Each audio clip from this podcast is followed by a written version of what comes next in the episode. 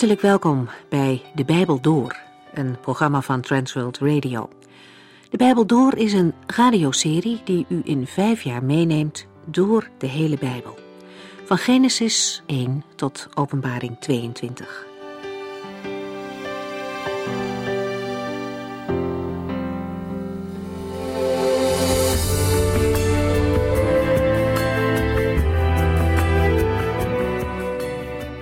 Komend half uur kunt u luisteren naar het slot van Obadja. In deze korte profetie staat Edom centraal. We komen dit volk al vroeg in de Bijbel tegen. Het zijn de afstammelingen van Esau. In die zin zijn de Edomieten een broedervolk van de Israëlieten. Dat gaf hen bepaalde voorrechten. Er was bijvoorbeeld toegang tot het heiligdom voor hen en zelfs nog voor hun achterkleinkinderen, wanneer ze de vreemde goden hadden afgezworen. Dat gold niet voor de Kanaanieten. Ook gebood de Heere zijn volk dat ze niet op de Edomieten neer mochten kijken. De Bijbelse geschiedenis laat echter zien dat Edom niet de kant van de Heere en zijn volk koos. Toen Mozes hen toestemming vroeg om via hun grondgebied door te reizen naar het beloofde land, kreeg hij die toestemming niet. Edom weigerde het volk van God dat uit Egypte kwam en dat zo zwaar geleden had, te helpen. Ondanks de grote wonderen die de Heere in Egypte had gedaan, keerde men zich af van Gods volk en was Edom dus niet bereid om te helpen. Gebrek aan medelijden is kenmerkend voor de Edomieten. Bij de val van Jeruzalem wordt het opnieuw zichtbaar als men vol leedvermaak kijkt naar de plunderingen en de mishandeling van de Joden. De Edomieten doen er zelfs nog een schepje bovenop en helpen de vijand.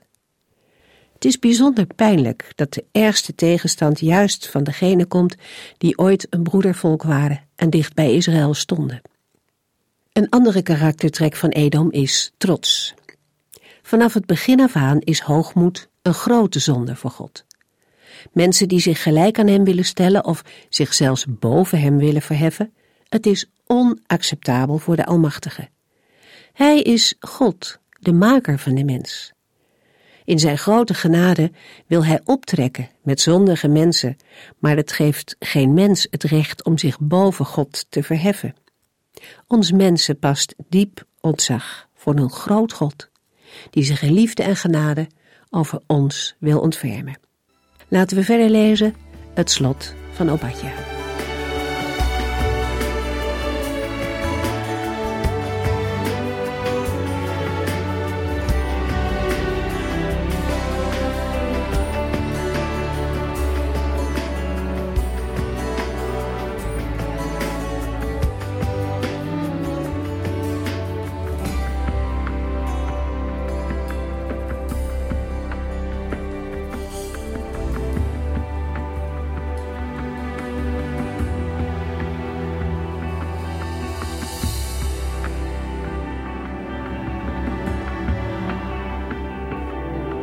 De woorden leest waarmee Obadja in zijn korte felle oordeelsprediking over Edom het gericht van de Here aankondigt, hoort daarin onwillekeurig de woorden uit Openbaring 20 klinken. Het oordeel gaat aan niemand voorbij. In Openbaring 20, vers 11 tot en met 15 lezen we: Ik zag een grote witte troon en hem die erop zat. De aarde en de hemel vluchtten voor hem weg en verdwenen voorgoed. Ik zag de doden, groot en klein, voor de troon staan. Er werden boeken opengedaan, ook het levensboek. En de doden werden op grond van hun daden geoordeeld, zoals het in de boeken geschreven stond.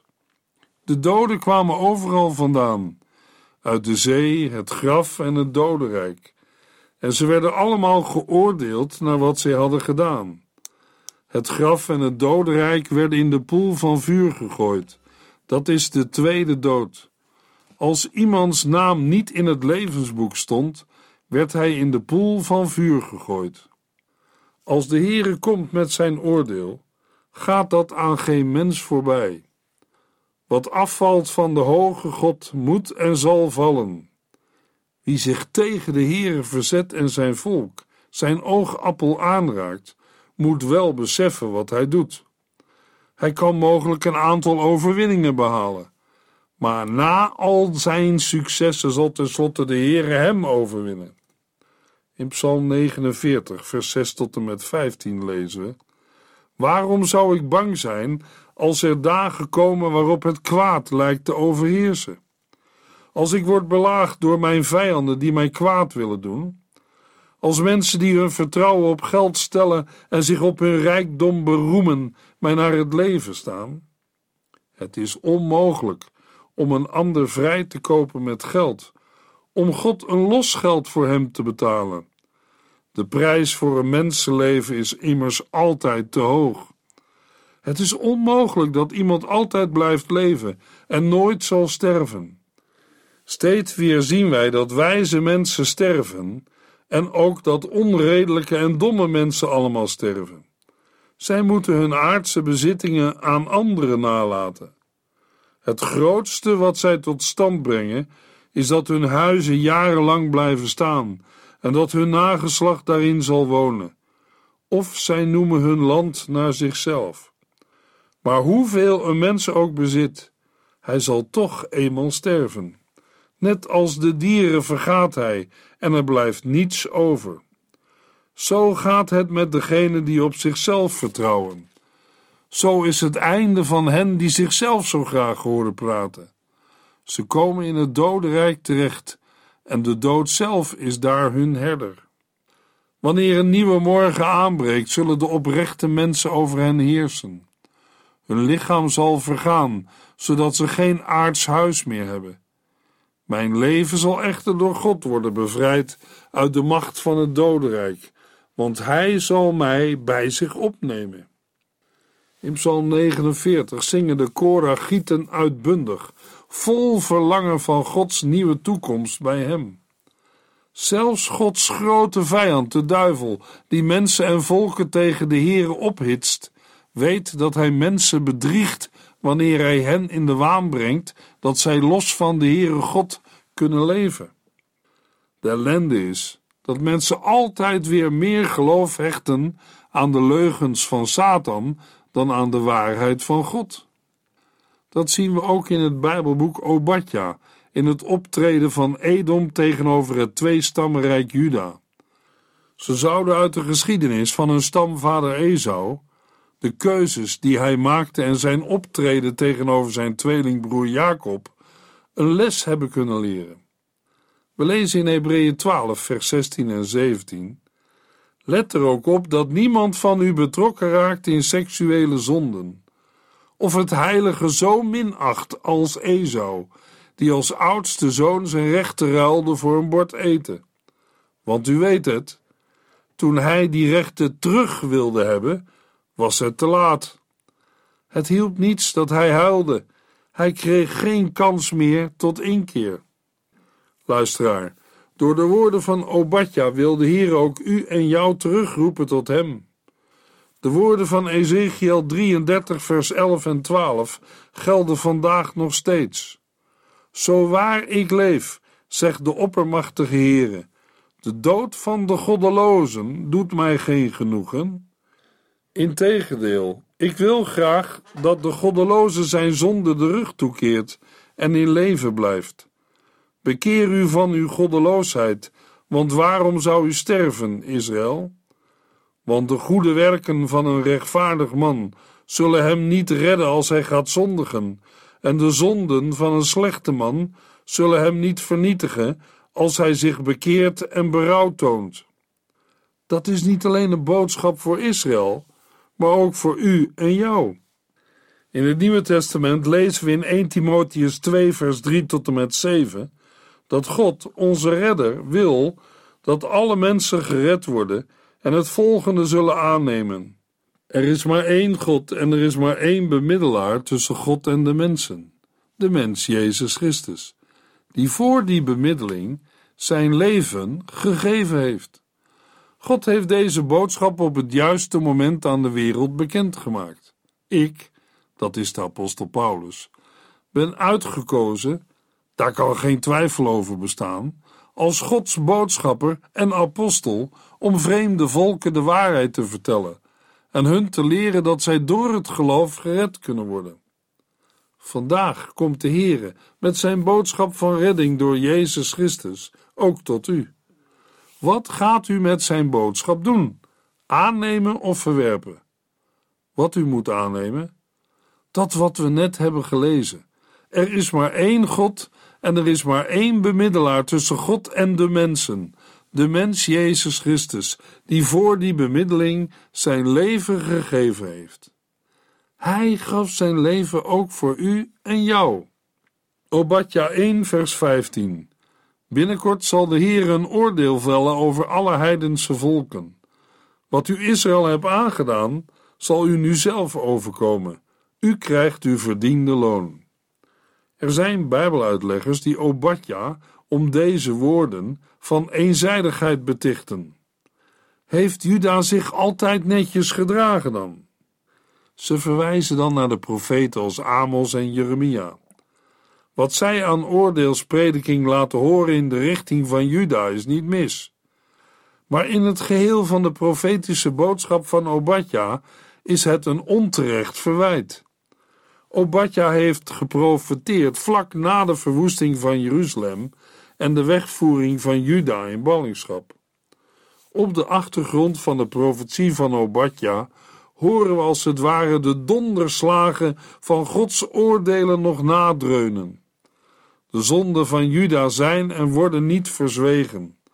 Ook Juda heeft Gods oordeel aan de lijve ondervonden. Ze zijn immers weggevoerd in ballingschap. Immers Edom had toen geen leedvermaak mogen hebben over de ondergang van Juda. Edom moet niet denken dat zij als broedervolk lachend kunnen toekijken bij de ellende van Juda. Nee, de zonden van Juda worden niet verzwegen. Obadja staat midden tussen mensen die op de puinhopen van hun bestaan zitten, een gevolg van Gods rechtvaardige oordeel over hun zonden. Maar hun ellende en wegvoering heeft als doel de terugkeer van Gods volk tot de Here. Maar de afrekening voor Edom komt. Op de grote dag van de Here gaat God afrekenen met alle volken en zal geen misdaad ongewroken blijven. Op die dag zal er verlossing dagen voor de rest van Gods volk, die zich onder de opvoedende hand van Gods oordelen heeft verootmoedigd en is teruggekeerd tot de Heere en zijn dienst. Maar op die dag zal het hoogmoedige Edom verdwijnen van de aardbodem. Bij zulke woorden kan een modern mens gemakkelijk denken: dat is dan pech voor Edom, of dat zien we dan wel weer, of dat raakt mij niet. Maar dan moeten we vers 15 nog maar eens goed lezen. Want daar staat: Binnenkort zal de Heer een oordeel vellen over alle heidense volken. Obadja trekt de kring ineens veel wijder dan alleen Edom. We lazen het ook in Openbaring 20. De rechtvaardige God zal op grond van de feiten zijn rechtvaardige oordeel voltrekken over al het onrecht dat op de aarde en in de wereldgeschiedenis heeft plaatsgevonden. Eigenlijk vat Obadja de boodschap die hij moet doorgeven nog eens samen. De Heere laat niet ongestraft wie zijn oogappel aanraakt. God, die graag vergeeft en rijk is in barmhartigheid, is ook een wreker van het kwade en een rechter die de onderdrukkers van zijn volk streng straft. De Heere zegt: Wat u Israël hebt aangedaan, zal u nu zelf overkomen. U krijgt uw verdiende loon. Obadja 1, vers 16. Zoals u op mijn heilige berg hebt gedronken, zo zullen alle omringende volken onophoudelijk drinken uit de beker met mijn straf en worden alsof ze nooit hadden bestaan. In vers 16 wordt nog een keer samengevat wat Edom op zijn kerfstok heeft. Ze hebben gedronken op de berg van Gods heiligheid. De zonde van Edom richt zich ten diepste niet tegen het volk van God, maar tegen de God van dat volk. Ze zoeken de Heere te treffen in zijn volk. Op Gods heilige berg hebben zij zijn heiligdom ontwijd. Ze hebben er hun drinkgelagen gehouden, gespot met de God van Israël. Maar het zal hun ondergang worden. De geschiedenis van alle heidense volken bevestigt het. Wanneer is de oordeelsprofetie die Obadja moet doorgeven in vervulling gegaan. Mogelijk is er in de tijd van Obadja al zo'n dag aangebroken, waarop Babel ook Edom onder de voet heeft gelopen. We weten dat niet zeker. In ieder geval is Edom al in de tijd van de kleine profeten getroffen door een grote verwoesting, zoals we in Malachi 1 vers 3 lezen. Arabieren hebben een groot deel van Edom veroverd en er hun eigen rijk gevestigd. In de dagen van de Maccabeeën heeft Johannes Hyrcanus Edom verslagen. En na de val van Jeruzalem hebben de Romeinen definitief een einde gemaakt aan het bestaan van Edom. Edom is van de aardbodem verdwenen, alsof ze nooit hadden bestaan, zegt Obadja in vers 16. Maar de lijnen lopen ook door naar de dag dat de Heer Jezus Christus zal terugkomen, tot op de jongste of laatste dag. Als die dag komt, is het belangrijk om ons te realiseren wat die dag voor ons mensen brengt. De Bijbel is er duidelijk over, namelijk oordeel of verlossing. De ondergang van Edom laat zien dat de Heere doet wat hij zegt, ook als het gaat om een boodschap van gericht. Het zal voor de vijanden van de Heer en zijn volk echt niet meevallen. Maar zal iemand vragen: gloort er dan nergens een sprankeltje licht in de boodschap van Obadja? Gelukkig wel. We lezen het in het vervolg. Obadja 1, vers 17. Maar de berg Sion zal een toevluchtsoord zijn, een afgezonderde heilige plaats. Het volk Israël zal het land weer in bezit nemen. In de versen 17 tot en met 21 komen we bij het tweede en laatste gedeelte van het Bijbelboek Obadja. Het zijn maar vijf versen, en de versen gaan over de toekomst van Israël en de wederkomst van Christus. Voor het woord toevluchtsoord lezen we in andere vertalingen het woord ontkoming. En wordt de zin, maar op de berg Sion zal ontkoming zijn. Er is een veilige schuilplaats, een afgezonderde heilige plaats. Te midden van alle dreiging is de berg Sion een toevluchtsoord. Het maakt duidelijk dat die veilige schuilplaats er niet is op de volgens de Edomieten onneembare bergen van Edom.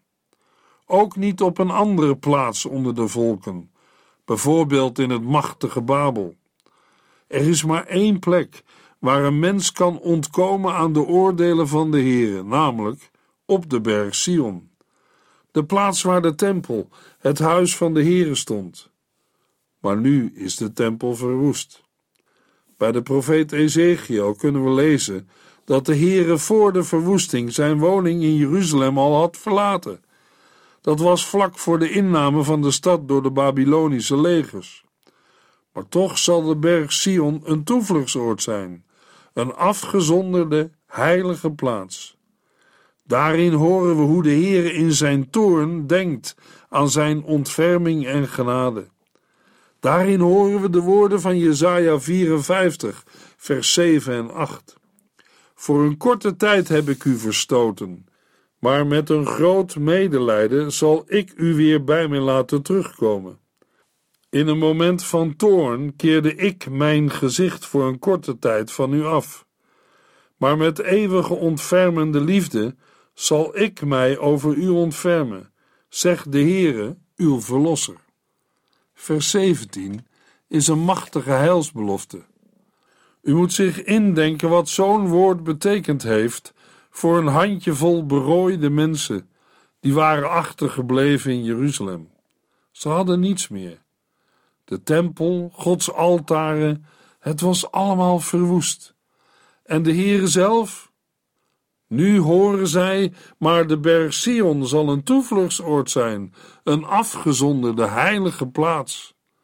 Het volk Israël zal het land weer in bezit nemen. Zo is de Heere, de God van Israël, van Jacob, en zalig wie de God van Jacob tot zijn hulp heeft. De Heere vervult zijn belofte. Hij brengt het volk Israël thuis in de eeuwige erfenis die de Heere uit genade aan hen heeft toegezegd. Het volk Israël zal het land weer in bezit nemen. Vanwege het lam dat op de berg Sion staat en dat hen kocht met zijn bloed. Hij heeft hun immers beloofd in Johannes 14, vers 1 tot en met 3: Wees niet ongerust, vertrouw op God en vertrouw ook op mij. In het huis van mijn vader zijn veel kamers. Als dat niet zo was, zou ik het jullie wel gezegd hebben. Ik ga er nu heen om alles voor jullie in orde te maken. Wanneer ik daarmee klaar ben, kom ik terug om jullie op te halen. Dan zullen jullie voor altijd bij mij zijn. Er is van die hemelse erfenis heel veel goeds te zeggen. Maar het heerlijkste van alles is: wij zullen altijd bij de Here wezen. De apostel Paulus zegt daar achteraan: met dit nieuws kunt u elkaar troosten en bemoedigen. Obadja 1, vers 18. Israël zal zijn als een vuur dat de stoppelvelden van Edom in brand steekt. Er zullen geen overlevenden in Edom zijn, omdat de Heer het zo heeft bevolen. In vers 18 klinkt nog eenmaal de boodschap van het gericht over Edom. Het klinkt in de gegeven omstandigheden onwaarschijnlijk. Niets is er dat erop lijkt dat wat Obadja profeteert werkelijkheid zal worden. Niet voor niets voegt hij er ten overvloede nog eens aan toe dat hij geen eigen gedachten verkondigt, maar dat de Heer het zo heeft bevolen. De woorden worden als het ware nog eens extra voorzien van het goddelijke waarmerk. Dat moet en mag het einde zijn van alle vragen en twijfels. De Heere heeft het zo bevolen. Obadja 1 vers 19 Dan zal mijn volk dat in de Negev woont, het berggebied van Edom in bezit nemen. Wie in het laagland wonen, zullen het land van de Filistijnen innemen en weer beslag leggen op de velden van Ephraim en Samaria. En het volk van Benjamin zal Gilead weer in bezit nemen. De Negev vormde het zuidelijke deel van Juda en was een droog en heet gebied. Het laagland lag in het westelijke deel van Juda. Tegenover het oordeel dat de Heere zal vellen over alle heidense volken, wordt in vers 19 de verlossing gesteld die het volk Israël zal worden geschonken. Het middelpunt daarvan vormt de berg Sion, waar de Heere zal wonen in het midden van zijn volk en als koning zal heersen. Opvallend is ook dat met de woorden Ephraim ook het huis van Jozef wordt genoemd. Vers 19 geeft een beschrijving van het gebied dat door Israël zal worden bewoond. Ten slotte wordt dan nog een gebied in het noorden van Israël, Gilead, toegeschreven aan Benjamin. Obadja 1 vers 20 De Israëlitische ballingen zullen terugkeren en het land van de Canaanieten tot Sarefat in het noorden bezetten. En de mensen uit Jeruzalem die in ballingschap waren in Sefarat in Klein-Azië, zullen terugkeren naar hun vaderland en de steden aan de rand van de Negev veroveren.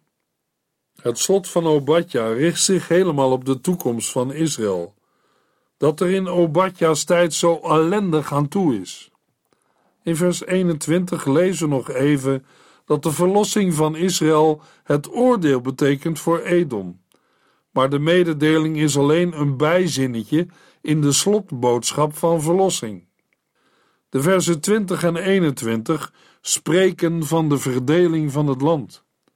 Het lijkt een beetje op een herhaling van wat we in het Bijbelboek Jozua lezen over de verdeling van het beloofde land. Juist daardoor krijgt het iets van een nieuwe blijk van Gods genade. De Heere geeft het beloofde land opnieuw aan het nageslacht van Abraham, Isaac en Jacob. Zij mogen er van de Heere weer wonen. Edomieten en Filistijnen hebben het veld geruimd. De bewoners van de Negev en van de kustvlakte krijgen hun gebied als een erfelijk bezit, dat wil zeggen, niet voor slechts even. Ephraim en Samaria, al lang veroverd door de wereldmachten, komen weer in het bezit van Israël. En Benjamin mag Gilead in het overjordaanse in bezit nemen, ook al lang in vreemde handen. Uit de ballingschap keren velen van het volk terug en ze mogen wonen in een gebied dat zich uitstrekt tot aan Sarafat, bekend uit de geschiedenis van de profeet Elia, maar ver over de grenzen van het toenmalige Israël heen. Als de Heere zijn volk genadig is, schenkt hij mild en overvloedig. Obadja 1 vers 21 Want verlossers zullen naar de berg Sion komen en heersen over heel Edom.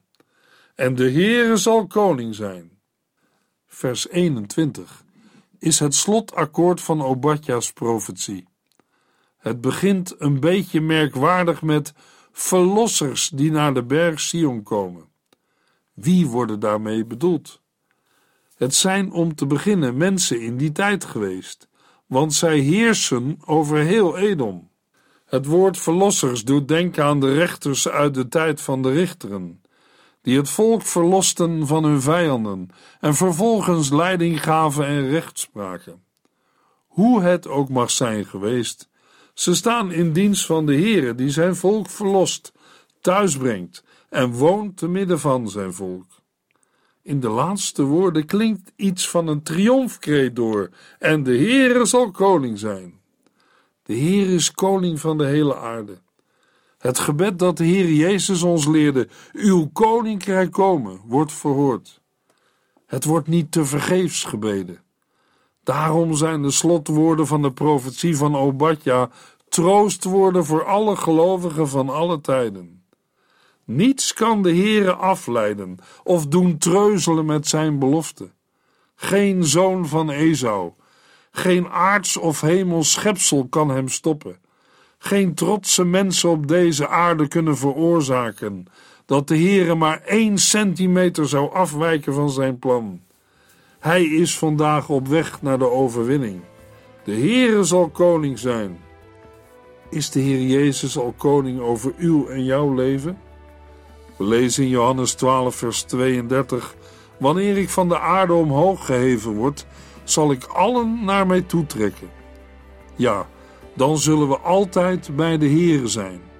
Maar dan moeten wij wel onze zonde en trots aan Hem beleiden en Hem gaan volgen. In de volgende uitzending lezen we verder in een nieuw Bijbelboek, namelijk in het Bijbelboek Jona.